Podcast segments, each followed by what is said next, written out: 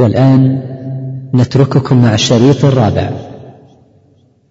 الحمد لله رب العالمين وصلى الله على نبينا محمد وعلى آله وصحبه أجمعين. وبعد فقد تقدم ذكر بعض ما يتعلق بلباس النبي صلى الله عليه وسلم ونذكر الآن ما يتعلق بخاتم رسول الله صلى الله عليه وسلم. عن ابن عمر رضي الله عنهما قال كان خاتم النبي صلى الله عليه وسلم من ورق وكان فصه حبشيا. حديث صحيح وقد أخرجاه. وعن أنس بن مالك رضي الله عنه قال كان خاتم النبي صلى الله عليه وسلم من فضة فصه منه. وقوله في الحديث من ورق أي من فضة. وقوله كان فصه حبشيا يعني الحجر الموجود في هذا الخاتم حجر حبشي وهو يكون من جزع أو عقيق لأنها المعادن الموجودة بالحبشة واليمن. وقيل لونه يعني لون الفص حبشي يعني أسود. وحديث أنس فصه منه يعني من الورق يعني الفص من الفضة. ويشهد له قوله في الصحيح كان خاتمه من فضة وفي داو لأبي داود كله من فضة. من فضة كله. قال الحافظ ابن حجر رحمه الله فهذا نص في أنه كله من فضة. وقيل إنه محمول على التعدد يعني أنه كان له خاتم من فضة كله وكان له خاتم فصه حبشي. وفي رواية فصه من عقيق. قال الحافظ رحمه الله ويحتمل أن يكون هو الذي فصه منه ونسب إلى الحبشة لصفة فيه يعني في هذا الخاتم مثل الصياغة مثل الصياغة أو النقش. قال النووي رحمه الله وقد أجمع المسلمون على جواز خاتم الفضة للرجال وكره بعضهم الخاتم لغير ذي السلطان. لأنه يستعمله في الختم يعني ختم رسائله. ولكن هذا شاذ مردود. يعني هذه الكراهية شاذة. والصحيح أن العلماء قد أجمعوا على جواز خاتم الفضة للرجال. ولعل النووي رحمه الله أشار إلى حديث أبي داود والنسائي عن أبي ريحانة نهى رسول الله صلى الله عليه وسلم عن عشر عن الوشر والوشم والنتف ومكامعة الرجل الرجل بغير شعار وعن مكامعة المرأة المرأة بغير شعار وأن يجعل الرجل في أسفل ثيابه حريرا مثل الأعاجم أو يجعل على منكبيه حريرا مثل الأعاجم وعن النهبى وركوب النمور ولبوس الخاتم إلا لذي سلطان. لكن هذا الحديث ضعفه أهل العلم. ولو ثبت نهى عن لبوس الخاتم إلا لذي سلطان لقلنا به لكن لم يثبت. ولبس الخاتم من الفضة للرجال جائز سواء كان ذا سلطان أو لم يكن بذي سلطان. وأما خاتم الفضة للنساء فالصواب أنه لا كراهة فيه أيضا فهي تلبس خاتم فضة أو خاتم ذهب أو ما شاءت من الحلي. وأما قول الخطاب رحمه الله يكره للنساء خاتم الفضة لأنه من شعار الرجال وقول فإن لم تجد خاتم ذهب فلتصفره بزعفران وشبهه فهذا الذي قاله ضعيف أو باطل لا أصل له. فالصواب أن خاتم الفضة للنساء أيضا لا بأس به. ومعلوم الآن أن هناك ما يسمى بالذهب الأبيض وبعضهم يطلقه على البلاتين وبعضهم يطلقه على السبيكة المخلوطة من الذهب والفضة. يطلقه على السبيكة المخلوطة من الذهب والفضة. ذهب أو يقولون ذهب أبيض. فاذا هذا الذي هو مخلوط من الذهب والفضة لا يجوز لبسه للرجال لأن فيه ذهب. ولا يقال الحكم للون لأننا إذا عرفنا أن فيه ذهب حقيقة فالعبرة بالحقيقة بالحقائق. فلا يجوز للرجل أن يلبس الذهب الأبيض إذا كان ذهبا. وكونه مخلوط بالفضة لا يجيز لبسه للرجل. لكن النساء يلبسنه لا بأس للمراه أن تلبس خاتم الذهب أو خاتم الفضة أو خاتم البلاتين أو خاتم ذهب مخلوط بالفضة أو خاتم ذهب ملبس بالفضة أو خاتم فضة ملبس بالذهب أو مطلي به. كل ذلك لا حرج عليها في لبسه. قال وعن ابن عمر رضي الله عنهما أن النبي صلى الله عليه وسلم اتخذ خاتما من فضة فكان يختم به ولا يلبسه. قال الشيخ الألباني رحمه الله إسناده صحيح على شرط الشيخين وقد أخرجه أحمد وأبو الشيخ بأتم منه دون قوله لا يلبسه. بل هذا القدر منه شاذ. قال لأن الحديث في الصحيحين وغيرهما عن نافع عن ابن عمر بلفظ اتخذ خاتما من ورق فكان في يده ثم كان في يد أبي بكر وسيأتي الحديث إن شاء الله. وأما قوله اتخذ خاتما من فضة فكان يختم به فقد صح. أما قوله ولا يلبسه فلم يصح. قال وعن أنس بن مالك رضي الله عنه قال كان نقش خاتم رسول الله صلى الله عليه وسلم محمد سطر. رسول سطر والله سطر. فإذا كان منقوشا في خاتمه عليه الصلاة والسلام في مكان الفص. محمد رسول الله. لكن كيف هي مكتوبة؟ محمد في سطر ورسول في سطر والله في سطر.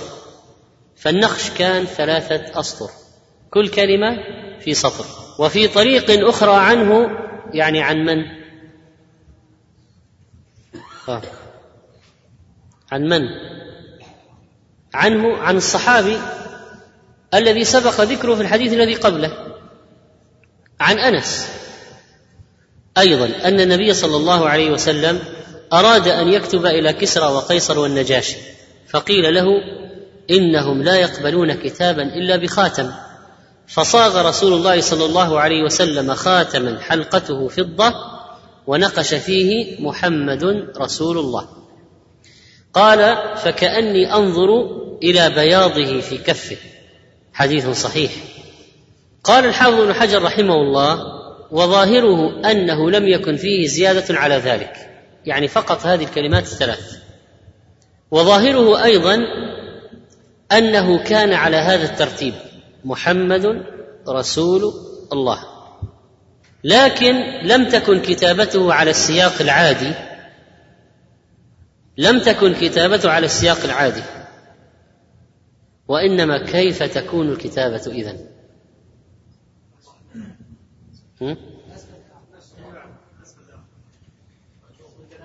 إيه؟ إيش؟ إيش؟ مقلوبة. مقلوبة. ليخرج الخاتم مستويا. قال ابن حجر وأما قول بعض الشيوخ إن كتابته كانت من أسفل إلى فوق يعني أن الجلال في أعلى الأسطر الثلاثة ومحمد في أسفلها فلم أرى التصريح بذلك في شيء من الأحاديث بل رواية الإسماعيلي يخالف ظاهرها ذلك. فإنه قال فيها محمد سطر السطر الثاني رسول والسطر الثالث الله. انتهى كلامه رحمه الله. وقال الحافظ ابن كثير في البداية والنهاية وكأنه والله أعلم كان منقوشا وكتابته مقلوبة ليطبع على الاستقامة أو ليطبع على الاستقامة كما جرت العادة بهذا. وقد قيل إن كتابته كانت مستقيمة وتطبع كذلك وفي صحة هذا نظر ولست أعرف لذلك إسنادا صحيحا ولا ضعيفا. انتهى كلامه رحمه الله. فاذا النقش كان مقلوبا حتى إذا طبع يطبع مستويا. وجزم الحافظ بن سيد الناس بأن اتخاذ الخاتم كان في السنة السابعة وجزم غيره في أنه كان في السنة السادسة. وقال ابن حجر رحمه الله ويجمع بينهما بأنه كان في آخر السادسة وأول السابعة لأنه إنما اتخذه عند إرادته مكاتبة الملوك وكان إرساله إلى الملوك متى؟ متى بدأ النبي عليه الصلاة والسلام يراسل الملوك؟ بعد صلح الحديبية لما وضعت الحرب أوزارها بينه وبين مشركي قريش والعرب تبع لهم تفرغ للدعوة في أوساط العرب وإرسال الرسائل إلى العجم. فأرسل الرسائل. فبدأت المكاتبات بينه عليه الصلاة والسلام وبين الملوك في ذي القعدة سنة ست ورجع إلى المدينة في ذي الحجة ووجه الرسل في المحرم من السابعة. وكان اتخاذه الخاتم قبل إرساله الرسل إلى الملوك. إذا هذا الوقت الذي اتخذ فيه الخاتم إذن في أواخر السادسة أول السابعة لأجل ختم الرسائل التي ترسل إلى الملوك. قال وعن ابن عمر رضي الله عنهما اتخذ رسول الله صلى الله عليه وسلم خاتما من ورق فكان في يده ثم كان في يد أبي بكر ثم كان في يد عمر ثم كان في يد عثمان حتى وقع بعد في بئر أريس اسم البئر. نقشه محمد رسول الله. حديث صحيح.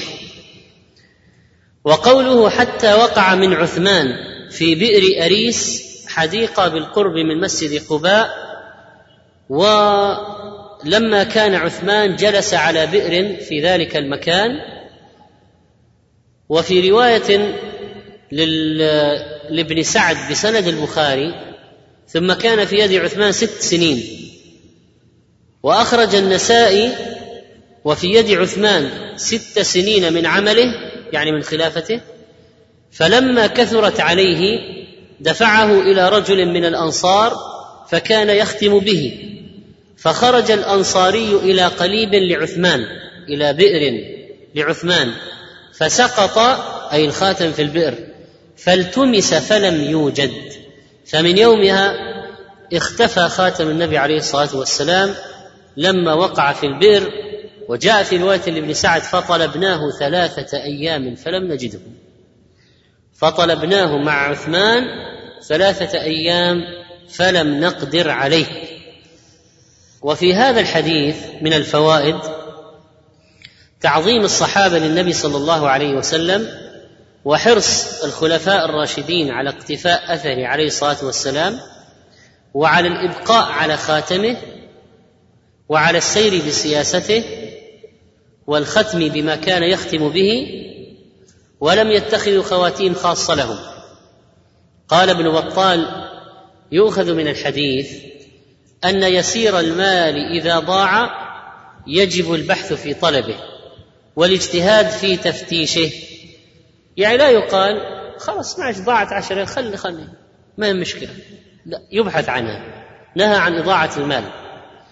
وقد حبس النبي صلى الله عليه وسلم. الجيش كله من أجل البحث عن عقد عائشة لما ضاع. حتى وجد. قال ابن حجر تعقيبا على قول ابن بطال كذا قال وفيه نظر فأما عقد عائشة فقد ظهر أثر ذلك بالفائدة العظيمة التي نشأت عنه وهي رخصة التيمم فكيف يقاس عليه غيره؟ يعني يقصد أن يقال إن البحث عن الأشياء اليسيرة يفعل إذا ما كان تضيع مصلحة أكبر. فأما تعطيل أوقات الناس التي تكون اثمن من هذا المال فلا ليس في ذلك حكمة. قال وأما فعل عثمان فلا ينهض الاحتجاج به أصلا لما ذكر لأن الذي يظهر أنه إنما بالغ في التفتيش عليه لكونه أثر النبي صلى الله عليه وسلم. قد لبسه واستعمله وختم به. ومثل ذلك يساوي في العادة قدرا عظيما من المال. وإلا لو كان غير خاتم النبي صلى الله عليه وسلم لاكتفى بطلبه دون ذلك. وبالضرورة يعلم أن قدر المؤونة التي حصلت في الأيام الثلاثة تزيد على قيمة الخاتم لكن اقتضت صفته وعظيم قدره فلا يقاس عليه كل ما ضاع من يسير المال. فإذا ماذا نفعل إذا ضاع شيء يسير من المال؟ نبحث عنه. نهى عن قيل وقالوا كثرة السؤال وإضاعة المال. والمال لا يضيع ولو كان يسيرا. ويبحث عنه ولو كان يسيرا. لا لا يضيع. يعني لو واحد سقط منه ريال في الشارع ما يقول خلاص اتركه ويمشي. يأخذه. يتصدق به يشتري به لأهله. لا لا يدري قد يدخل به الجنة قد يكون هو الذي يرجح بحسناته. لكن لو ترتب على على البحث على هذا المبلغ اليسير ضياع وقت ثمين أكثر من هذا المال اليسير. فلا يضيع الوقت الثمين لأجل المال اليسير. قال ابن بطال وفيه أن من طلب شيئا ولم ينجح فيه بعد ثلاثة أيام له أن يتركه ولا يكون بعد الثلاث مضيعا وأن الثلاث حد يقع بها العذر في تعذر المطلوبات. قال النووي وفيه أن النبي صلى الله عليه وسلم لم يورث إذ لو ورث لدفع الخاتم إلى ورثته بل كان الخاتم والقدح والسلاح ونحوها من آثاره الضرورية صدقة للمسلمين. يصرفها ولي الأمر حيث رأى من المصالح. فجعل القدح عند أنس إكراما له لخدمته ومن أراد التبرك به لم يمنعه. وجعل باقي الأثاث عند ناس معروفين واتخذ الخاتم عنده للحاجة التي اتخذها النبي صلى الله عليه وسلم لها. فإنها موجودة في الخليفة بعد ثم الخليفة الثاني ثم الثالث. وفيه جواز نقش الخاتم. يعني إذا اتخذ الإنسان خاتما وعليه نقش فلا بأس بذلك. ولا بأس بنقش اسم صاحب الخاتم على الخاتم. فلو نقش عليه اسمه فلا بأس بذلك. واستدل بعضهم بجواز نقش اسم الله على الخاتم. على أن هذه الكلمة محمد رسول الله. تامة يعني جملة تامة ليس فقط الله. فإن بعض النساء تضع في حلية لفظ الجلالة وهذا التعليق غلط. ولا يعلق في الرقبة لا لفظ الجلالة ولا غيره من القرآن. وأما الخاتم فقد جعل عليه النبي صلى الله عليه وسلم محمد رسول الله. محمد مبتدأ. رسول خبر. هذه جملة تامة كاملة.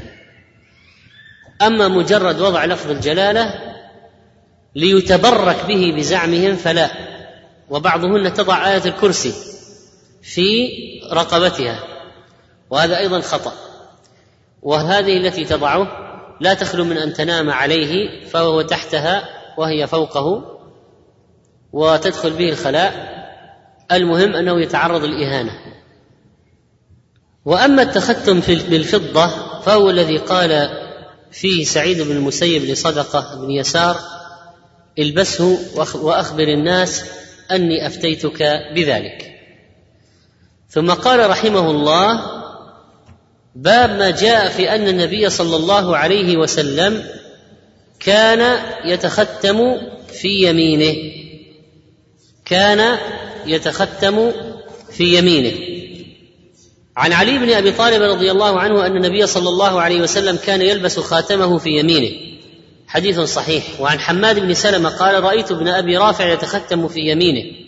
فسألت عن ذلك فقال رأيت عبد الله بن جعفر يتختم في يمينه. وقال عبد الله بن جعفر كان رسول الله صلى الله عليه وسلم يتختم في يمينه. حديث صحيح. أما عبد الله بن جعفر فهو ابن أبي طالب الهاشمي أحد الأجواد المولود بأرض الحبشة وله صحبة. روى أن النبي عليه الصلاة والسلام كان يلبس الخاتم في خنصر يده اليمنى يتختم في يمينه يجعله في خنصر يده اليمنى. هذا الخنصر يجعله فيه. وعن جابر بن عبد الله رضي الله عنهما أن النبي صلى الله عليه وسلم كان يتختم في يمينه. وعن الصلت بن عبد الله قال رأيت ابن عباس يتختم في يمينه ولا إخاله يعني لا أظن إلا. قال رأيت رسول الله صلى الله عليه وسلم يتختم في يمينه حديث حسن. وأما الصلت بن عبد الله بن نوفل فهو ابن الحارث بن عبد المطلب الهاشمي كان فقيها عابدا. وعن ابن عمر أن النبي صلى الله عليه وسلم اتخذ خاتما فضة وجعل فصه مما يلي كفه. فالفص هل هو للخارج ولا للداخل؟ هل هو للخارج ولا للداخل؟ قال مما يلي كفه وهذا الكف. ونقش فيه محمد رسول الله ونهى أن أن ينقش أحد عليه. يعني لا أحد يزور أو لا أحد ينقش مثل خاتمه. قال وهو الذي سقط من معيقيب في بئر أريس. حديث صحيح. وقوله وجعل فصه مما يلي كفه قال النووي قال العلماء لم يأمر النبي صلى الله عليه وسلم في ذلك بشيء. ما وجه بشيء معين الامه قال اجعلوا هذا من الداخل ولا من الخارج. قال فيجوز جعل فصه في باطن كفه وفي ظاهرها. فيجوز أن يجعل الفص من الداخل ويجوز أن يجعل من الخارج. الأمر واسع. قال وقد عمل السلف بالوجهين وممن اتخذه في ظاهرها ابن عباس رضي الله عنه قالوا ولكن الباطن أفضل اقتداء بالنبي صلى الله عليه وسلم ولأنه اصون لفصه وأسلم له وأبعد من الزهو والإعجاب. ونهى أن ينقش أحد عليه السبب في ذلك أنه عليه الصلاة والسلام كان يختم به كتب إلى ملوك العجم وغيرهم فلو نقش غيره مثل هذا النقش لحصلت المفسده ودخل الخلل. قال وعن جعفر بن محمد عن أبيه قال كان الحسن والحسين يتختمان في يسارهما. جعفر هو الصادق وابوه محمد بن علي بن حسين بن علي بن أبي طالب. وهذا أبو جعفر الباقر ثقة فاضل. وقوله كان الحسن والحسين يتختمان في يسارهما قصد المصنف بسياق هذا الأثر في هذا الباب مع الأحاديث اللي كلها في اليمين لعله قصد الإشارة إلى أنه لا يثبت ولا يحتج به. ولكن الترمذي نفسه لما ساقه في سننه قال حديث صحيح. ولذلك قال المبارك فوري في التحفة هذا الأثر لا يناسب الباب. ولو زاد الترمذي في ترجمة الباب لفظ واليسار بعد قوله في اليمين لطابقه هذا الأثر أيضا. يعني أن الصحيح التختم في اليمين واليسار كلاهما لا بأس به. وقد يكون الترمذي رحمه الله أراد أن يجمع ما صح عنده في هذا الباب أو أن يبين أن الأمر واسع أو أن التختم في اليسار له أصل صحيح أيضا وأن كلاهما سنة. وقد أخرج مسلم في صحيح من حديث ثابت عن أنس قال كان خاتم النبي صلى الله عليه وسلم في هذه وأشار إلى الخنصر من يده اليسرى.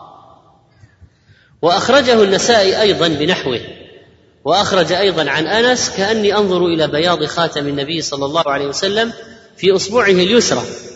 قال المنذري رجال اسناده محتج به في الصحيح والصحاح الألباني أيضا. قال ابن القيم واختلفت الأحاديث هل كان في يمناه أو يسراه؟ وكلها صحيحة السند. وأما الحافظ ابن حجر فلما ذكر الأخبار في الباب قال والذي يظهر لي أن ذلك يختلف باختلاف القصد. فإن كان اللبس للتزين فاليمين أفضل وإن كان للختم فاليسار أولى. إذا كان يريد أن يختم به فيجعله في اليسرى ليخلعه باليمنى ويختم به باليمنى.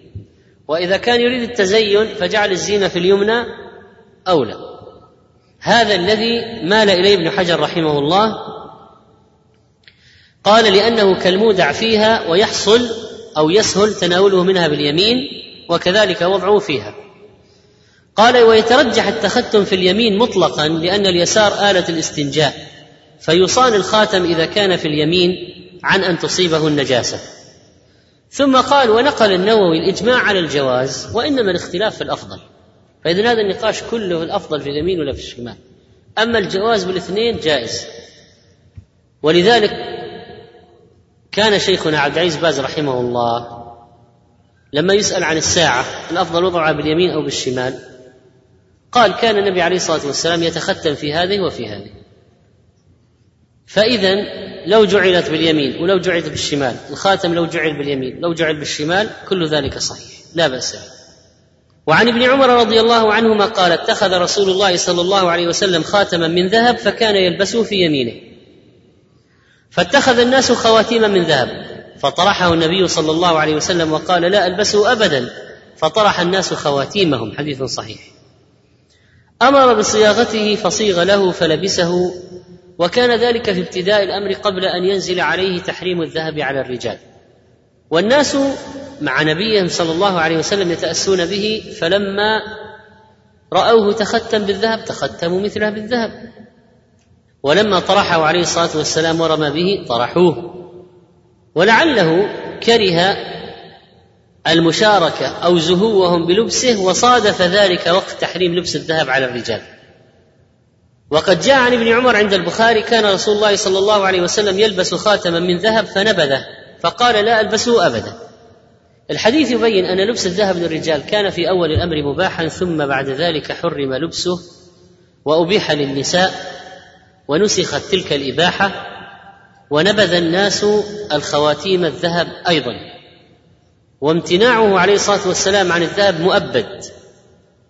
وقال عليه الصلاة والسلام من كان يؤمن بالله واليوم الآخر فلا يلبس حريرا ولا ذهبا. رواه أحمد وحسنه الألباني. وروى النهي عن خاتم الذهب بخصوصه البخاري ومسلم من حديث أبي هريرة رضي الله عنه عن النبي صلى الله عليه وسلم أنه نهى عن خاتم الذهب. وفي الحديث سرعة امتثال الصحابة والاقتداء به عليه الصلاة والسلام. والبخاري ترجم في صحيحه باب الاقتداء بأفعال النبي صلى الله عليه وسلم. وروى مسلم عن ابن عباس أن رسول الله صلى الله عليه وسلم رأى خاتما من ذهب في يد رجل فنزعه فطرحه. وقال يعمد أحدكم إلى جمرة من نار فيجعلها في يده. فقيل للرجل بعدما ذهب رسول الله صلى الله عليه وسلم خذ خاتمك انتفع به. قال لا والله لا آخذه ابدا.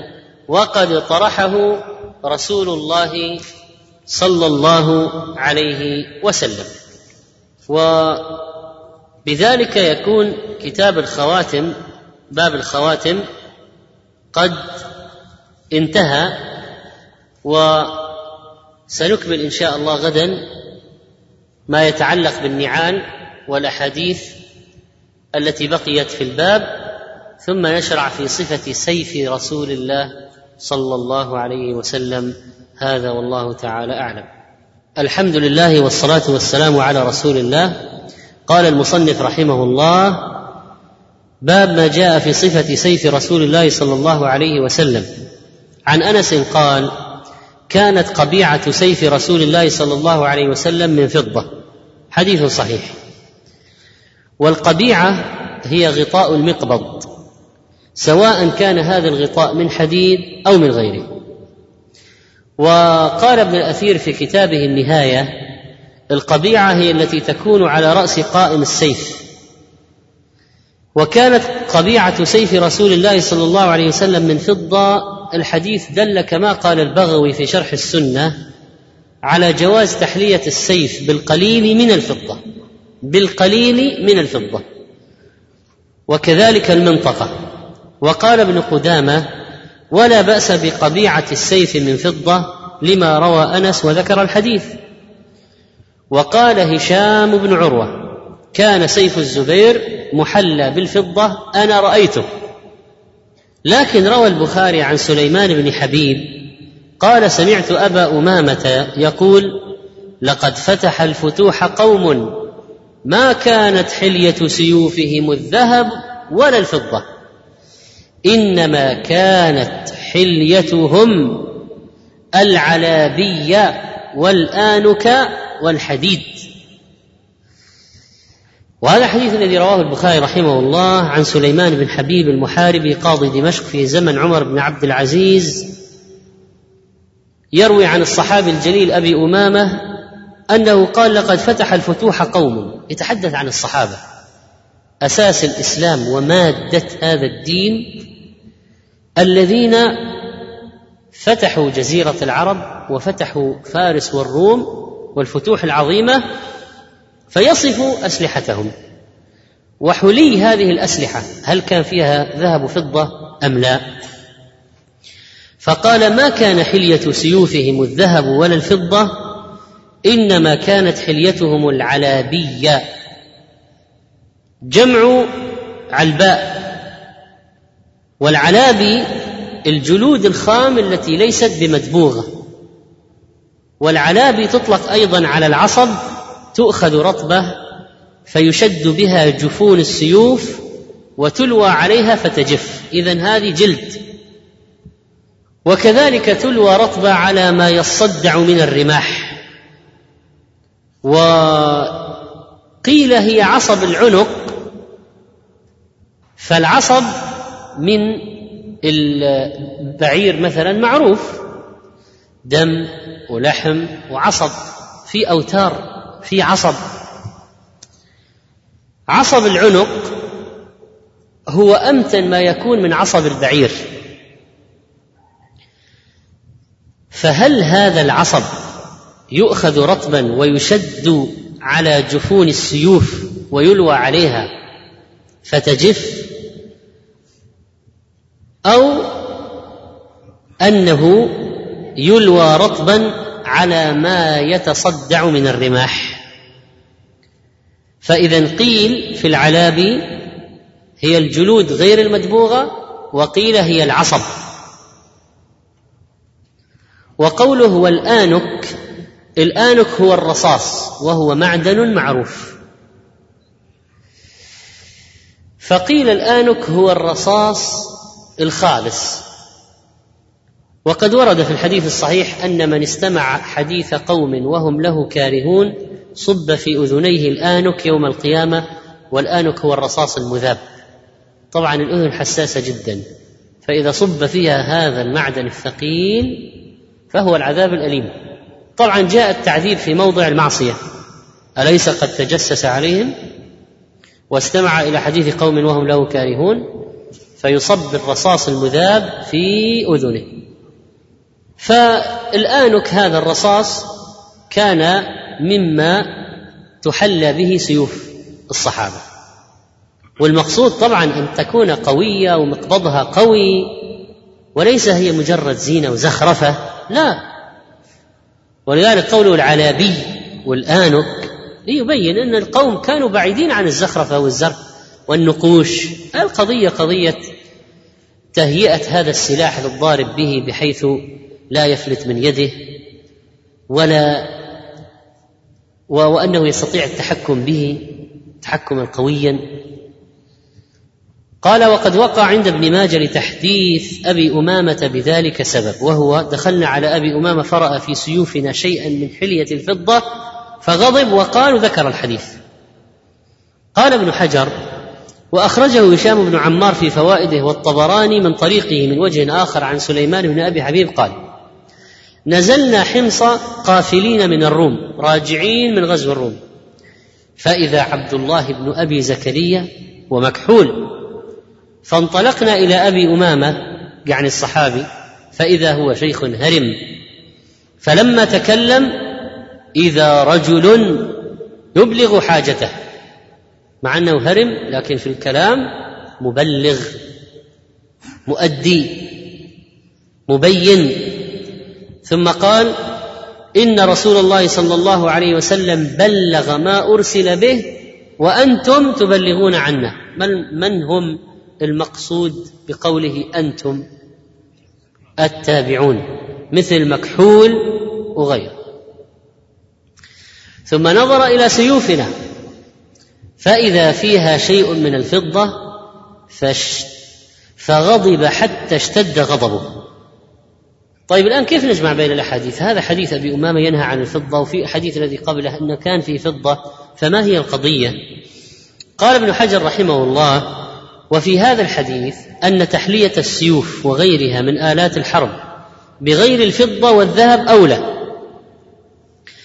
وأجاب من أباحها بأن تحلية السيوف بالذهب والفضة إنما شرع لإرهاب العدو وكان لأصحاب رسول الله صلى الله عليه وسلم عن ذلك غنيه يعني ما هم محتاجين لإرهاب العدو بهذه الطريقة لأن عندهم من الشجاعة وقوة النفس وذكر الله ما يغنيهم عن إرهاب العدو بجعل الذهب والفضة في الأسلحة. فكان لهم غنية لشدتهم في أنفسهم وقوة إيمانهم. وما دام ثبت الحديث بجواز تحلية مقبض السيف مثلا بيسير من الفضة فلا بد أن نقول بجوازه لكن لعل أبا أمامة أنكر عليهم التوسع في ذلك. وليس يعني النهي عن أي شيء من الفضة لكن كأنه رأى التوسع فنهاهم عنه. ونفيه أن يكون الذين فتحوا الفتوح وهم أصحاب النبي صلى الله عليه وسلم يفعلون ذلك يعني أنهم ما كانوا يتوسعون فيه. وأما ما رواه أحمد رحمه الله في المسند لقي أبو ذر أبا هريرة وجعل قبيعة سيفه فضة. من الذي جعل قبيعة سيفه فضة؟ أبو هريرة. لأن أبا ذر أصلا بعيد عن هذه الأشياء كلها. أبو ذر من أزهد الزاهدين في العالم. ولذلك فلا يمكن يعني أن يفعل مثل هذا. طيب ما هي القبيعة؟ قبيعة؟ قبل قليل ذكرنا مقبض السيف. طيب أبو ذر لقي أبا هريرة وعلى قبيعة سيفه شيء من الفضة. فنهاه.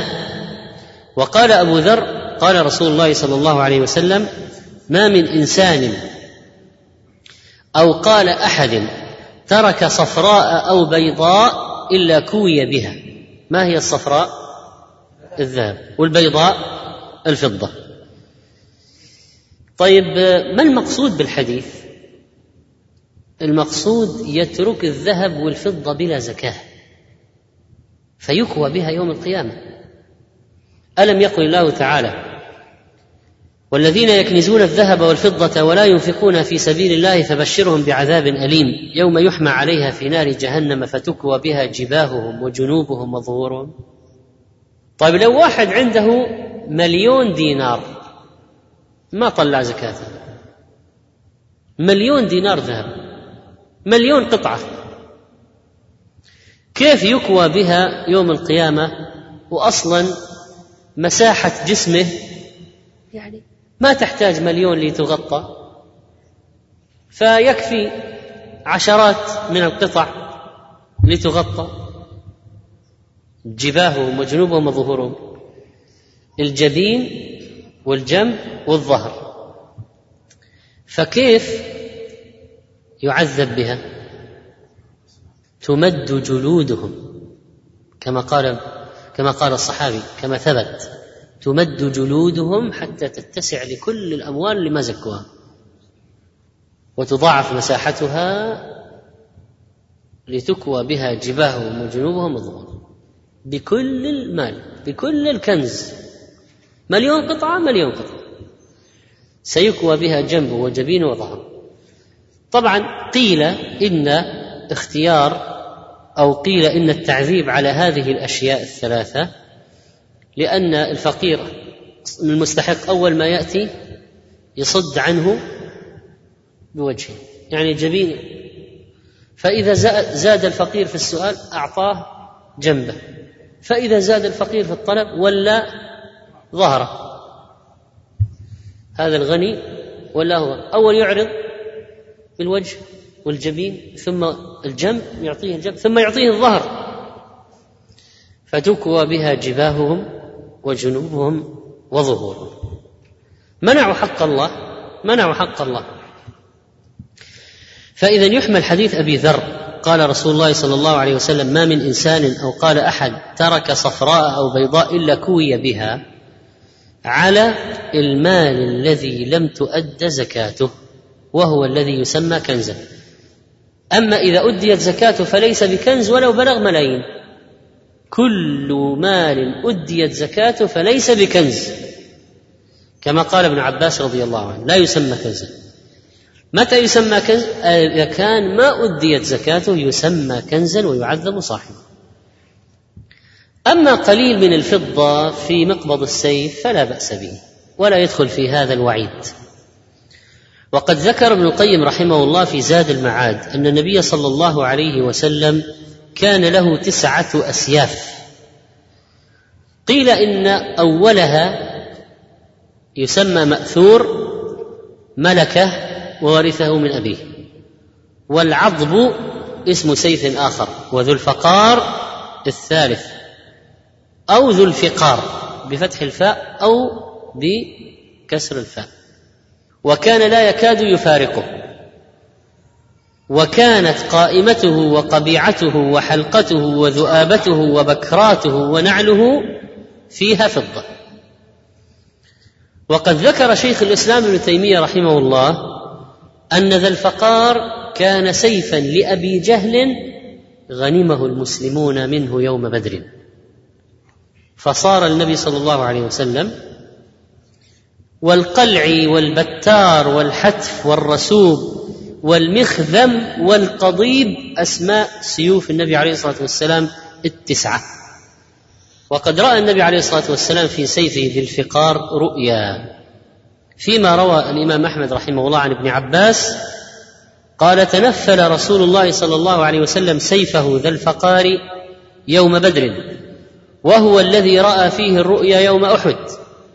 فقال رأيت في سيفي ذي الفقار فلا فأولته فلا يكون فيكم. فقال رأيت في سيفي ذي الفقار فلا فأولته فلا يكون فيكم. ورأيت أني مردف كبشا فأولته كبش الكتيبة. ورأيت أني في درع حصينة فأولتها المدينة. ورأيت بقرا تذبح فبقر والله خير فبقر والله خير فكان الذي قال رسول الله صلى الله عليه وسلم. يعني فعلا حصل ما أوله من الرؤيا في غزوة أحد فكان ذبح البقر هو ما وقع من الصحابة ما وقع في الصحابة من القتل. والمدينة التي رجع إليها وخرج منها أصلا هي الدرع الحصينة. ولذلك الكفار ما رجعوا إليه في المدينة ولا هاجموه في المدينة بعد ذلك بعد الغزوة يعني أو في الغزوة مباشرة إنما جاءوا في الخندق.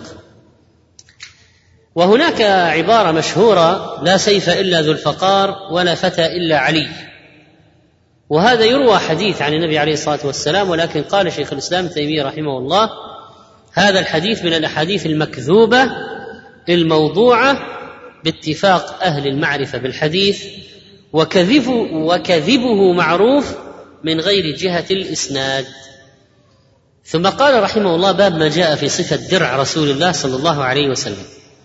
عن الزبير بن العوام قال كان على النبي صلى الله عليه وسلم درعان يوم أحد فنهض إلى الصخرة فلم يستطع فأقعد طلحة تحته فصعد النبي صلى الله عليه وسلم عليه حتى استوى على الصخرة. قال سمعت النبي صلى الله عليه وسلم يقول أوجب طلحة. حديث صحيح. والدرع جبة من حديد وهي من ملابس الحرب. كان النبي صلى الله عليه وسلم درعان وهذا فيه تعليم لنا باتخاذ الأسباب. يعني مع أن النبي عليه الصلاة والسلام لن يموت قبل أن يبلغ ولن يقتل قبل أن يبلغ. والله يعصمك من الناس. ومع ذلك أخذ الأهبة واستعد ولبس درعين عليه الصلاة والسلام مبالغه في أخذ الحذر والحيطة. وامتثالا لأمر الله واخذوا حذركم. وامتثالا لقوله تعالى وأعدوا لهم ما استطعتم من قوة وهذه من أسباب القوة. وأن الأخذ بالأسباب لا ينافي التوكل على الله. النبي عليه الصلاة والسلام حفر له يوم أحد حفرة حفرها هذا الفاسق أبو عامر فوقع فيها النبي عليه الصلاة والسلام. حفرها له ذلك الكافر فوقع فيها النبي صلى الله عليه وسلم. فلما أراد أن ينهض وعليه الدرعان ثقل. وكان يريد أن يتوجه إلى الصخرة ويعلو عليها ليستوي وينظر إلى الكفار ويشرف على الأبرار من أصحابه ويقوم المعركة وميزان المعركة ويوجه بأوامره عليه الصلاة والسلام. ويرى ما آل إليه الأمر ويوجه بأوامره عليه الصلاة والسلام. فلما لم يستطع أن يفعل ذلك بنفسه أقعد طلحة وصعد حتى استوى على الصخرة. ولذلك قال عليه الصلاة والسلام أوجب طلحة أي وجبت له الجنة. أثبتها لنفسه بهذا العمل. فقد خاطر بنفسه يوم أحد وفدى النبي صلى الله عليه وسلم بنفسه وجعل جسده وقاية للنبي عليه الصلاة والسلام حتى طعن ببدنه وجرح جميع جسده بل شلت يده بل قيل إن في طلحة كان بضع وثمانين جرحا. ولما أصابه السهم الذي قطع الأصابع أو جرح الأصابع قال حسي قال لو قلت بسم الله لرفعتك الملائكة والناس ينظرون. وحسي كلمة تقول العرب عند الألم. والحديث هذا فيه منقبة عظيمة لطلحة رضي الله عنه أحد المبشرين بالجنة. وقد فدى النبي صلى الله عليه وسلم بنفسه وطأطأ له ظهره حتى اعتلاه وصعد عليه عليه الصلاة والسلام. وهذه أعمال الصحابة التي فاقوا غيرهم بها. قال وعن السائب بن يزيد أن رسول الله صلى الله عليه وسلم كان عليه يوم أحد درعان قد ظاهر بينهما. لبس أحدهما فوق الآخر. كأنه جعل أحدهما ظهارا والآخر بطانة. ولبس الدرع يقوي في الإقدام على العدو. ومن الأشياء التي لبسها النبي عليه الصلاة والسلام اخذا بالأسباب أيضا والحيطة والحذر من آلات الحرب المغفر. فقال ابن القيم رحمه الله في فوائد فتح مكة وقد دخلها النبي صلى الله عليه وسلم وعلى رأسه المغفر ومن الفوائد أن من تمام التوكل استعمال الأسباب التي نصبها الله تعالى لمسبباتها قدرا وشرعا فإن رسول الله صلى الله عليه وسلم أكمل الخلق توكلا وإنما كانوا يلقون عدوهم وهم متحصنون بأنواع السلاح. ودخل رسول الله صلى الله عليه وسلم مكة والبيضة على رأسه وقد أنزل الله عليه والله يعصمك من الناس. وكثير ممن لا تحقيق عنده ولا رسوخ في العلم يستشكل هذا ويتكايس في الجواب. تارة بأن هذا فعله تعليما للأمة وتارة بأن هذا نزل قبل الآية أي آية؟ والله يعصمك من الناس. طبعا هذا الكلام كله غلط. يعني النبي عليه الصلاة والسلام فعل هذا أخذا بالأسباب وامتثالا لقول الله خذوا حذركم امتثالا لقول الله وعدوا لهم استطاعتم من قوة وقد يقول قائل إذا كان الله عصم من الناس فكيف جرح؟ وكيف سقط في الحفرة؟ وكيف أكل من الشاة المسمومة ومات بسببها؟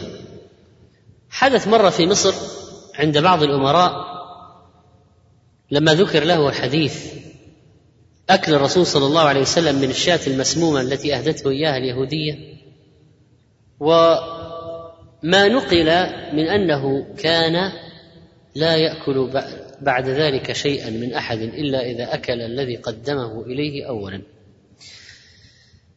قالوا وفي هذا أسوة للملوك فقال قائل كيف يجمع بين هذا وبين قوله تعالى والله يعصمك من الناس؟ فإذا كان الله سبحانه قد ضمن له العصمة فهو يعلم أنه لا سبيل لبشر إليه. وأجاب بعضهم بأن هذا يدل على ضعف الحديث وبعضهم بأن هذا كان قول نزول الآية فلما نزلت لم يكن ليفعل ذلك بعدها. ولو تأمل هؤلاء أن ضمان الله له العصمة لا ينافي تعاطيه لأسبابها. لاغناهم عن هذا التكلف. فإن هذا الضمان له من ربه تبارك وتعالى لا يناقض احتراسه من الناس ولا ينافيه. يعني هل معنى قوله والله يعصمك من الناس؟ يعني لا تأخذ بالأسباب؟ خلاص اطلع هكذا متجردا والله يعصمك من الناس؟ ولا والله يعصمك من الناس ومن أسباب العصمة من الناس؟ أخذ الأسباب. الأخذ بالأسباب. كما أن إخبار الله سبحانه وتعالى له بأنه يظهر دينه على الدين كله ويعليه لا يناقض أمره بالقتال وإعداد العدة والقوة ورباط الخيل والأخذ بالجد والحذر والاحتراس من عدوه ومحاربته بأنواع الحروب والتورية فكان إذا أراد الغزو ورى بغيرها وذلك لأن هذا إخبار من الله عن عاقبة حاله ومآله بما يتعاطاه من الأسباب التي جعلها الله مفضية يعني مؤدية إلى ذلك يعني إلى العصمة. يعني لا يستطيع أحد أن يقتل النبي عليه الصلاة والسلام آه، قبل أن يبلغ ما أمره الله بتبليغه. ولا النبي عليه الصلاة والسلام ميت ميت. إنك ميت وانهم ميتون. فالله ضمن للنبي عليه الصلاة والسلام الحياة حتى يبلغ كل الدين. والله يعصمك من الناس يعني أنت محفوظ لا يمكن أحد أن يقضي عليك حتى تبلغ رسالة ربك. فهل معنى أن الله يعصمك من الناس؟ يعني أنك لا تأكل ولا تشرب ولا تحتاط ولا تأخذ الأهبة ولا الحذر من العدو؟ لا. الله يعصمك من الناس وأنت تأخذ بالأسباب. ما في تعارض. وهذا موضع غلط فيه كثير من الناس حتى آل ذلك ببعضهم إلى أن ترك الدعاء وقال لا فائدة فيه. خلاص المقدور سيأتيني سيأتيني. الرزق سيأتيني سيأتيني. دعيت ولا ما دعيت سيأتيني. والحادث الذي سيحصل عليه سيأتيني. سيحدث سواء دعيت ولا ما دعيت. والولد سيأتيني دعيت ولا وهكذا. فتركوا الدعاء. طيب خلاص. والمغفرة ستحصل لك ستحصل. دعيت ولا ما دعيت؟ بأن الله يرحمك الرحمة ستأتي ستأتي. دعيت الله يرحمك ولا ما دعيت؟ والهداية ستأتي إذا دعيت بالهداية ولا ما وأطرد هذا. فيقال وهل هذا إلا قول المجانين؟ أليس الدعاء من الأسباب؟ إذا واحد أراد أن ينبت له زرع أليس يبذر؟ ما هو البذر؟ سبب. إذا أراد الولد تزوج ما هو الزواج؟ سبب. وطء الزوجة سبب. فهل يقول الواحد والله الزرع إذا كان الله مقدر أنه يطلع لي زرع في مزرعتي سيطلع الزرع سواء بذرت ولا ما بذرت سقيت ولا ما سقيت. والولد سيأتيني ولد إذا كان الله مقدر لي ولد سيأتيني سيأتيني سواء تزوجت ولا ما تزوجت وطئت الزوجة ولا ما وطئت الزوجة فهل يكون هذا عاقل؟ إذا ممكن يكون دخول الجنة بسبب دعائك وعتقك من النار بسبب دعائك. وغفران ذنوبك بسبب دعائك. وهذا سبب. هذا سبب. والله كتب وقدر الأسباب والمسببات. وقد ذكر ابن القيم رحمه الله أن النبي صلى الله عليه وسلم كان له سبعة أدرع ذات الفضول وهي التي رهنها عند أبي الشحم اليهودي على شعير لعياله عليه الصلاة والسلام بثلاثين صاعا وكان الدين إلى سنة وكانت الدرع من حديد. وذات الوشاح وذات الحواشي والسعدية وفضة والبتراء والخرنق. فهذه أو فهذا شيء من خبر سيوفه عليه الصلاة والسلام وأدراعه. والله تعالى أعلم. وصلى الله على نبينا محمد. الحمد لله رب العالمين. وصلى الله وسلم على نبينا محمد وعلى آله وصحبه أجمعين. وبعد فقد تقدم في الأبواب الماضية ما جاء في عمامة النبي صلى الله عليه وسلم وأنها كانت سوداء وأنه كان إذا اعتم سدل عمامته بين كتفيه. وعن ابن عباس رضي الله عنهما أن النبي صلى الله عليه وسلم خطب الناس وعليه عمامة دسماء. حديث صحيح وهي المتلطخة بدسومة شعره من الطيب حتى صار لونها كلون الدسم. وجاء عند البخاري أنه خرج عليه الصلاة والسلام في مرضه الذي مات فيه بملحفة قد عصب بعصابة دسماء.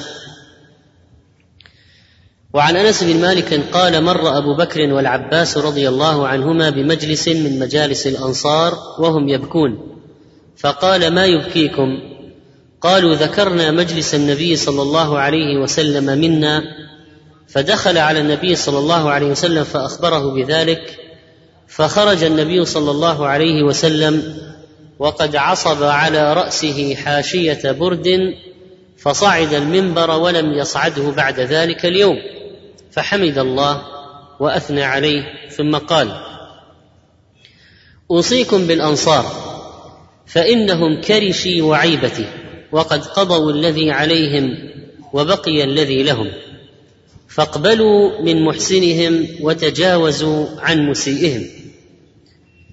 وفي هذا الحديث أن صحابته الذين كانوا يجلسون معه في مرض موته خشوا أن يموت فيفقدوا مجلسه فبكوا حزنا على ذلك. فلما علم بهم خرج إليهم يوصيهم ويودعهم وأخبرهم عن الأنصار فقال أوصيكم بالأنصار فإنهم كرشي وعيبتي يعني بطانتي وخاصتي أي موضع سري وأمانتي وهذا من الكلام الموجز. عيبة نصح مقربون منه بطانة خاصة موضع السر والأمانة وقد قضوا الذي عليهم. بايعوا بيعة العقبة الأولى والثانية وآووه ونصروه وقاتلوا معه. وضموا أصحابه وآووه. هؤلاء الذين تبوأوا الدار والإيمان من قبل يحبون من هاجر إليهم ولا يجدون في أنفسهم حاجة مما أوتي المهاجرون من الخير ولا يحسدونهم حسدا مذموما وإنما يغبطونهم الغبطة الممدوحة. هؤلاء قضوا الذي عليهم بقي الحق الذي لهم فعليكم بإكرام الأنصار.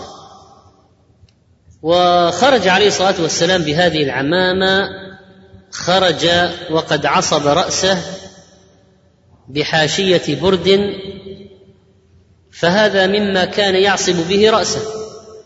وقال ابن القيم رحمه الله كانت له صلى الله عليه وسلم عمامة تسمى السحاب كساها عليا وكان يلبسها ويلبس تحتها القلنسوة وكان يلبس القلنسوة بغير عمامة ويلبس العمامة بغير قلنسوة وإذا اعتم أرخى عمامته بين كتفيه طرفها أرخاه بين كتفيه. قال ابن القيم رحمه الله لم تكن عمامة المصطفى كبيرة. يؤذي الرأس حملها ويضعفه. ولا صغيرة تقصر عن وقاية الرأس من حر وبرد بل وسط بين ذلك. فهل لبس العمامة سنة أم لا؟ قال الشيخ محمد بن صالح بن عثيمين رحمه الله ما فعله النبي صلى الله عليه وسلم أنواع. الأول ما فعله بمقتضى الجبلة كالأكل والشرب والنوم فلا حكم له في ذاته. يعني انت ما تقول النوم سنة ولا مستحب مكروه ولا واجب. هذا شيء يفعله بأصل الجبلة. طبيعي هو بشر أن ينام لكن قد يكون مأمورا به أو منهيا عنه لسبب. فإذا كان للقيام لصلاة الفجر ولو أنه ما نام مبكرا ما قام للصلاة فيكون مامورا أن ينام مبكرا. لو كان نوم في وقت الصلاة قبل الصلاة بحيث إذا نام ضاعت الصلاة فيكون هذا النوم منهي عنه يجب أن يصلي اولا ثم ينام. وهكذا قد يكون نوما يعين على الطاعة والعبادة فيكون مستحبا. فيقول ولكن قد يكون مأمورا به أو منهيا عنه لسبب. الأكل إبقاء على الحياة واجب الأكل السحور استعانة على الصيام مستحب. الأكل زيادة عن الحاجة مكروه. الأكل الذي يضر ويقتل قد ينبشم ويموت من كثرته. لا يجوز. قال وقد يكون له صفة مطلوبة كالأكل باليمين أو منهي عنه كالأكل بالشمال الثاني يعني النوع الثاني من ماذا من أفعاله عليه الصلاة والسلام ما فعله بحسب العادة إذا الأول ما فعله بحسب إيش؟ الجبلة والطبيعة البشرية. الثاني ما فعله بحسب العادة. يعني مثل جريه على عادة بلده أو على عادة الناس معه في اللباس. يلبس مثل الناس يعني. لا يخالف زي الناس المتعارف عليه. هذه العادة. قال كصفة اللباس فمباح في حد ذاته. فماذا يقال عن العمامة مثلا؟ مباح. ماذا لبس قميصا؟ ما حكم القميص؟ مباح. لبس إزار ورداء ما حكمه مباح. فعله بحسب العادة. لماذا؟ لأنه يلبس مما يلبسه أهل بلده قومه عشيرته. قال وقد يكون مأمورا به أو منهيا عنه لسبب لأن النبي صلى الله عليه وسلم لبس العمامة لما كان العرب يلبسونها وكذلك لبس الإزار والرداء. فالسنة اذا ما هي؟ أن يلبس الإنسان ما يلبسه أهل بلده. هذه السنة. فلو كان الإنسان في السودان ما رأيكم بلبس العمامة؟ هذا شيء عادي جدا. هكذا يلبسون. لكن لو كان في القاهرة مثلا هل من عادتهم لبس العمائم؟ لا. اذا هو يلبس ما يلبس أهل بلده. لو واحد مثلا في هذه البلد فراح مثلا يلبس واحد من أهل البلد واحد من ساكن مثلا في هذه المدينة مثلا مدينة الخبر من أهل البلد هذه طلع علينا بلباس اندونوسي لابس هذه الطاقية التي يلبسونها على الشكل الذي يلبسونه خارج علينا. أو لابس مثلا لباس شيشاني. قبعه صوف من, من النوع الذي يلبس في البلاد الثلجية. ماذا يكون؟ لباس شهرة. يعني يرفع الناس إليه أبصارهم يستغربون. إيش هذه حفلة تنكرية؟ ولا هذا مجنون؟ إيش القضية؟ ولذلك يلبس الإنسان ملابس أهل بلده في بلده يلبس الملابس المتعارف عليها من المتعارف عليه فالسنة قال الشيخ أن يلبس الإنسان ما يلبسه الناس في بلده لأن هذا فعل النبي صلى الله عليه وسلم. فالعرب كانوا يلبسون القمص والأزر والأردية والعمائم فجرى على عادات العرب. طبعا هذا يجب أن يقيد بشيء. ما هو؟ أن لا ينحرف أهل البلد في لباسهم لأنه في هذه بالذات في هذا الزمن تتغير العادات بسرعة. ملابس البلد ممكن تتغير بسرعة وقد يعتادون لبسا محرما. فإذا اعتاد أهل البلد أن يلبسوا حريرا هل يلبسوا لأن هذا عادة أهل البلد؟ لا. وقد يعتادون الإسبال فهل يسبل كما يسبلون؟ لا. فإذا يجب أن يلبس يجب أن يعني هو يلبس ولكن يجب أن لا يلبس شيئا محرما ولو اعتاده الناس في بلده. الثالث من أفعاله ما فعله على وجه الخصوصية فيكون مختصا به كالوصال في الصوم والنكاح بالهبة. لو جاءت امرأة وهبت نفسها للنبي عليه الصلاة والسلام فإن له أن ينكحها خالصة لك من دون المؤمنين لكن اليوم لو جاءت كامرأة قالت أنا وهبتك نفسي ما تستطيع إلا أن تردها إلى وليها تقول ارجع إلى وليك. فإذا ما يجوز لك أن تتزوجها بهذا. وزواج الهبة هذا الذي يسمونه زواج الهبة في بعض البلدان يفعله الفجار والفساق وبعضهم يقولون في غلاء مهور وأبوها مش عايز يزوجها وفي عوائق وأحسن من الفاحشة خلاص أنا وياها زملاء في الجامعة. زوجتك نفسي قبلت. وقالب كيك وانتهينا فهذا حرام لأن المرأة لا تزوج نفسها. المرأة لا تزوج نفسها. قال عليه الصلاة والسلام لا نكاح إلا بولي. أي امرأة نكحت بغير إذن وليها فنكاحها باطل فنكاحها باطل فنكاحها باطل. قال كالوصال في الصوم والنكاح بالهبة ولا يحكم بالخصوصية إلا بدليل لأن الأصل التأسي.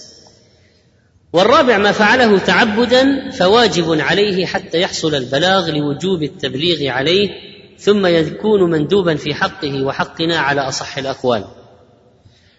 قال وهذا النوع يشتبه كثيرا بالأول الأفعال الجبلية والثاني أي العادات.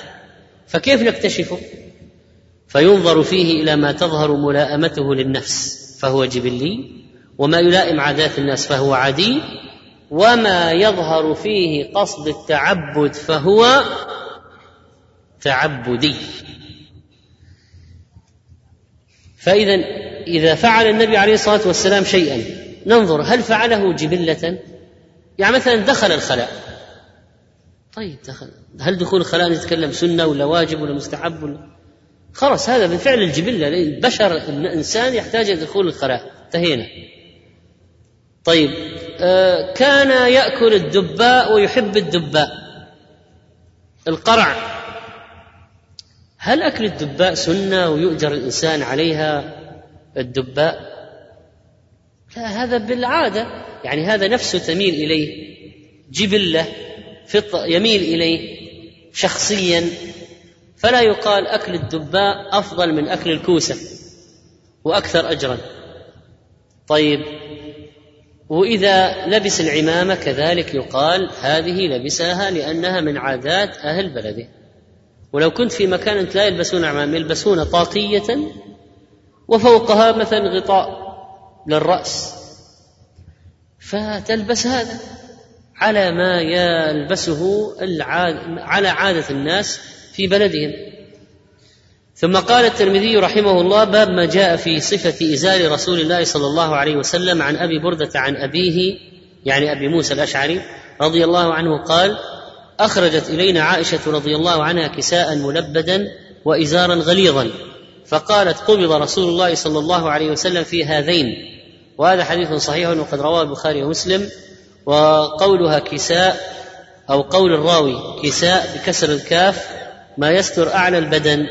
والإزار ما يستر أسفل البدن. قال النووي رحمه الله قال العلماء الملبد هو المرقع. لبدت القميص ألبده ولبدته ألبده وهو الذي ثخن وسطه حتى صار كاللبدة. وقالت قبض رسول الله صلى الله عليه وسلم في هذين يعني في هذين الثوبين. يعني أرادت أنه لبس ثياب خشونة.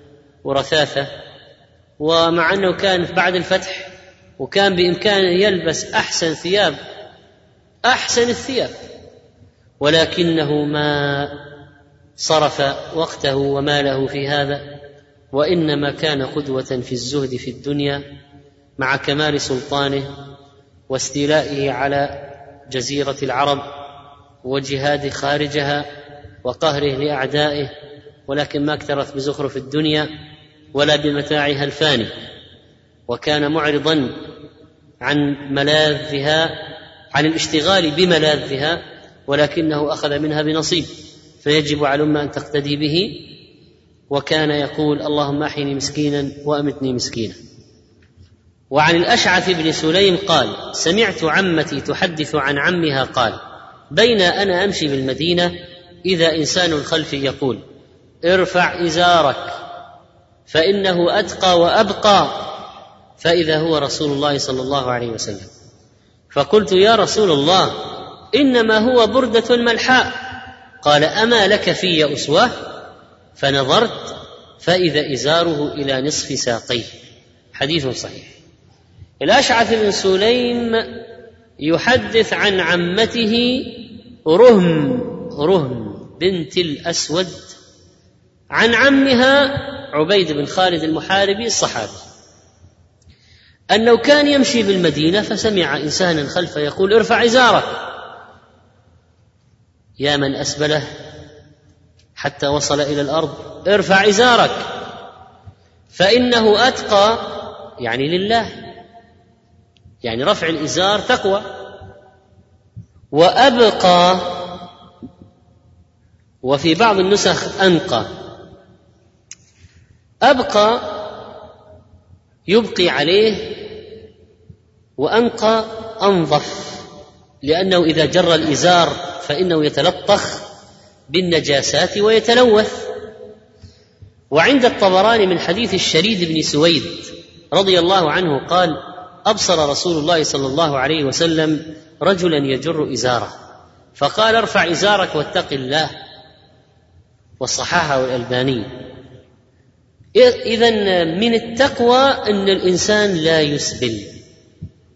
وجر الإزار منهي عنه ومتوعد عليه بالعقاب وإذا كان تيها وخيلاء فهو أشنع وأبشع. وفي هذا أن رفع الثوب يقيه من الاهتراء فهو أبقى للثوب. لأن الإنسان لو سحب الثوب على الأرض غير مساعده المجانية للبلدية فإن القماش يهترئ. فإذا قلبت طرف ثوب المسبل تراه متآكل تراه متآكلا. فلذلك رفعه عن الأرض أبقى يعني يبقي عليه يبقي على الثوب. والنبي صلى الله عليه وسلم زجر الصحابي عن الإسبال وأرشده إلى ما يحفظ له ثوبه ويكون أتقى لربه. فأمره بشيء في طهارة القلب وطهارة القالب.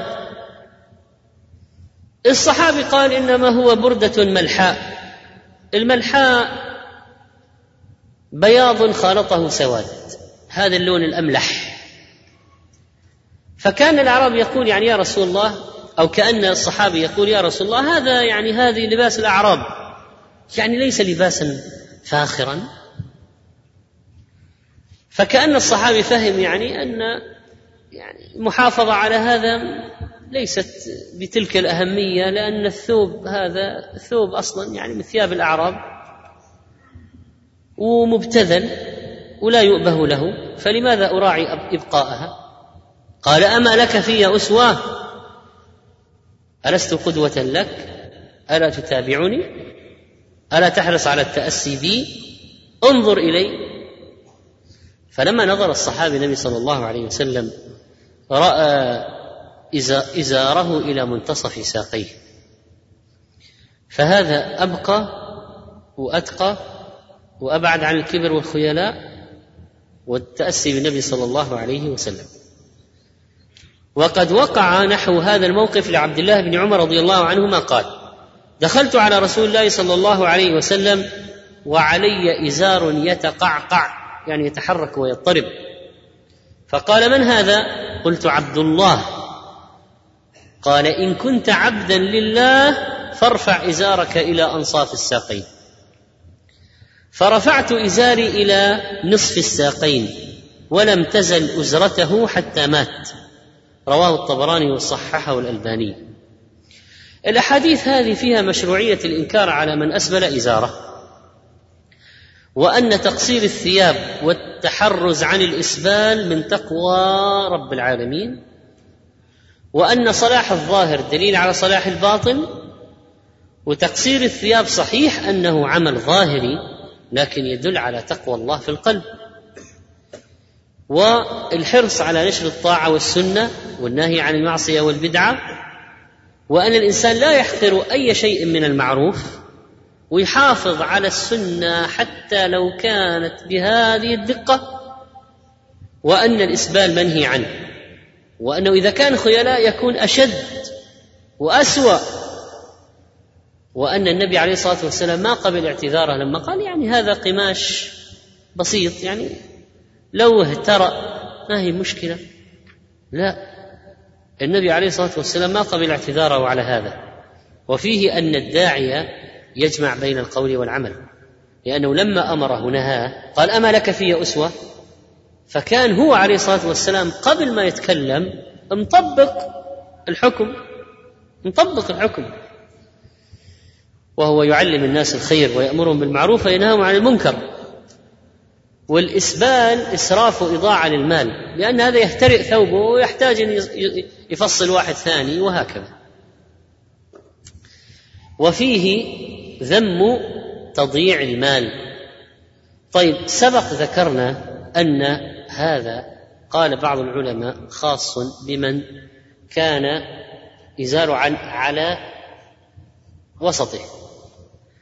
لأنه لا ينشمر يعني لو ركع لا ينشمر لكن الثوب المعلق على الكتفين لو انش... لو ركع انشمر لو أراد أن يجلس انشمر بخلاف الإزار.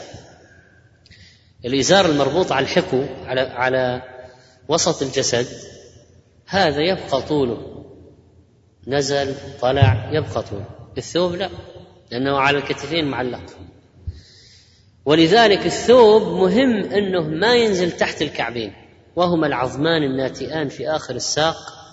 بين الساق والقدم عظمان من يمين وشمال. المهم أن ثوبك ما ينزل على الكعبين. لكن لا تطالب أن يكون ثوبك إلى نصف الساق. ما هو واجب؟ أصلا. أما الإزار إذا أردت السنة إذا كنت إذا مثلا أنت تلبس إزار في البيت بعض الناس يلبس الإزار أو الفوطة في بيته. وقد يلبسها في الحج وقد يلبسها في يعني علي مثلا في اليمن. كيف يمشون في الشوارع؟ بالأزر إزار. أنا لابس هذا لباس رسمي. خنجر وإزار. فإذا آه هذا كيف كيف وأين إلى أين يلبسه؟ السنة يعني في الإزار إلى منتصف الساق إلى منتصف الساق. وعن سلمة بن الأكوع قال كان عثمان بن عفان يأتزر إلى أنصاف ساقيه وقال هكذا كانت إزرة صاحبي يعني النبي صلى الله عليه وسلم. ومعنى يأتزر يلبس إزارة وإزرة صاحبي الهيئة التي يلبس عليها الإنسان إزارة. وفي الحديث بيان الهيئة التي كان النبي صلى الله عليه وسلم يلبس إزاره وأنه كان إلى نصف ساقه الشريفة وندب أمته إلى هذا. وفيه تأسي عثمان بن عفان رضي الله عنه بحال النبي صلى الله عليه وسلم وأنه كان يعلمها ويفعل مثلها. وقد جاء في مسند أحمد عن عبد الله بن محمد بن عقيل سمعت ابن عمر يقول كساني رسول الله صلى الله عليه وسلم قبطية وكسى أسامة حلة سيارا فنظر فرآني قد أسبلت فجاء فأخذ بمنكبي وقال يا ابن عمر كل شيء مس الأرض من الثياب ففي النار قال فرأيت ابن عمر يتزر إلى نصف الساق. وفي المسند عن عمرو بن الشريد يحدث عن أبيه أن النبي صلى الله عليه وسلم تبع رجلا من ثقيف حتى هرول في أثره حتى أخذ ثوبه فقال ارفع إزارك. فكشف الرجل عن ركبتيه فقال يا رسول الله إني أحنف وتصطك ركبتاي. فقال رسول الله صلى الله عليه وسلم كل خلق الله حسن. ولم يرى ذلك الرجل إلا وإزاره إلى إنصاف ساقيه حتى مات. فهو كان يغطي دقة ساقيه ويطول الإزار. فقال كل خلق الله حسن يعني لا يجوز لأحد أن يعيب عليك هذه الخلقة وحتى لو جعلت إزارك إلى نصف الساق. وهكذا حافظ عليها الصحابي. وعن حذيفة قال أخذ رسول الله صلى الله عليه وسلم بعضلة ساقي أو ساقه. فقال هذا موضع الإزار. عضلة الساق معروف العضلة أين هي فإن أبيت فأسفل فإن أبيت فلا حق للإزار في الكعبين. يعني لا بد ما ينزل عن الكعبين. يعني يظهر الكعبان. لا يغطي الإزار الكعبين. الكعبان مكشوفان والإزار من فوق. وهذه العضلة وهي العصبة التي معها اللحم عضلة الساق المحل الضخم منه معروف. إلى هنا فإن أبيت انزل لكن شريطة أن لا يصل إلى الكعبين. لا حق للكعبين في وصول الإزار إليهما. قال فإن أبيت فلا حق للإزار في الكعبين. فإذا هل يجب أن يلبس إلى نصف الساق؟ ما يجب. لكن الأفضل السنة المستحب الأكمل التي فعلها عليه الصلاة والسلام أكثر أجرا في لبس لبس الإزار وما شابهه إلى نصف الساق. طيب. والإزار ولا أي ثوب آخر من المهم جدا أن لا يجاوز الكعبين. فلو واحد راح يفصل ثياب يقول الخياط لا تنزل على الكعبين. خلى على إذا أراد أنزل شيء إلى حد العظمة في آخر الساق إلى العظمتين فقط. لا حظ للكعبين من الإزار. وقد روى أحمد عن أنس قال رسول الله صلى الله عليه وسلم الإزار إلى نصف الساق. فلما رأى شدة ذلك على المسلمين قال إلى الكعبين لا خير فيما أسفل من ذلك. حديث صحيح. قال النووي رحمه الله فالمستحب نصف الساقين والجائز بلا كراهة ما تحت ما تحته إلى الكعبين. فما نزل عن الكعبين فهو ممنوع. فإن كان للخيلاء فهو ممنوع منع تحريم وإلا فمنع تنزيه والصحيح أن ما نزل عن الكعبين فممنوع مطلقا. سواء للخيلاء ولا لغير الخيلاء. آه، وإذا كان الخيلاء فهو أشد. قال الشيخ محمد صالح بن عثيمين رحمه الله والصحيح أنه حرام سواء كان لخيلاء أم لغير خيلاء بل الصحيح أنه من كبائر الذنوب. لأن كبائر الذنوب كل ذنب جعل الله عليه عقوبة خاصة به وهذا عليه عقوبة خاصة ففيه الوعيد بالنار إذا كان لغير خيلاء وفيه الوعيد بالعقوبات الأربع إذا كان خيلاء. ما هي العقوبات الأربع؟ لا ينظر الله إليه يوم القيامة ولا يكلمه ولا يزكيه وله عذاب أليم. طيب لو واحد قال أبو بكر يعني آه، كان شق إزاره يتدلى وقال يا أبا بكر لست من يفعل ذلك. طيب نقول اولا هات رسول الله يشهد لك أنك لست من يفعل ذلك خيلاء حتى نسلم. أو تكون مثل أبو بكر الصديق في الإيمان حتى يعلم أنك ما فعلت خيلاء أو وثالثا أن أبا أن أن شق الإزار يتدلى وليس كل الإزار إن أحد شقي ازاري يتدلى. يلا دلي الآن شق منهما خلي الثاني مرفوع. ورابعا أن أبا بكر كان يتعاهده. يعني كان يحاول ما ينزل عليه ما ينزل تحت. فلا معنى للاحتجاج يعني واحد بحديث الصديق وهذا حديث الصديق طيب آه، فيه أشياء تفسد استدلال من أراد أن يستدل به على التطويل. وحديث ما تحت الكعبين من الازار ففي النار ومن جر ثوبه خيلاء لم ينظر الله إليه. واضح إن كلا العملين محرم تحت الكعبين وإذا كان خيلاء يصير أشد. لأنه قال ما تحت الكعبين والازار ففي النار ومن جر ثوبه خيلاء لم ينظر الله إليه. وقارون لعنه الله. أصلا خسف الله به الأرض كان لبس ثيابه مسبلا يتبختر فيها فخسف الله به. فهذا اذا آه، ما يتعلق بثياب النبي صلى الله عليه وسلم. وسنتحدث في الدرس القادم بمشيئه الله عن مشيه رسول الله عليه الصلاة والسلام.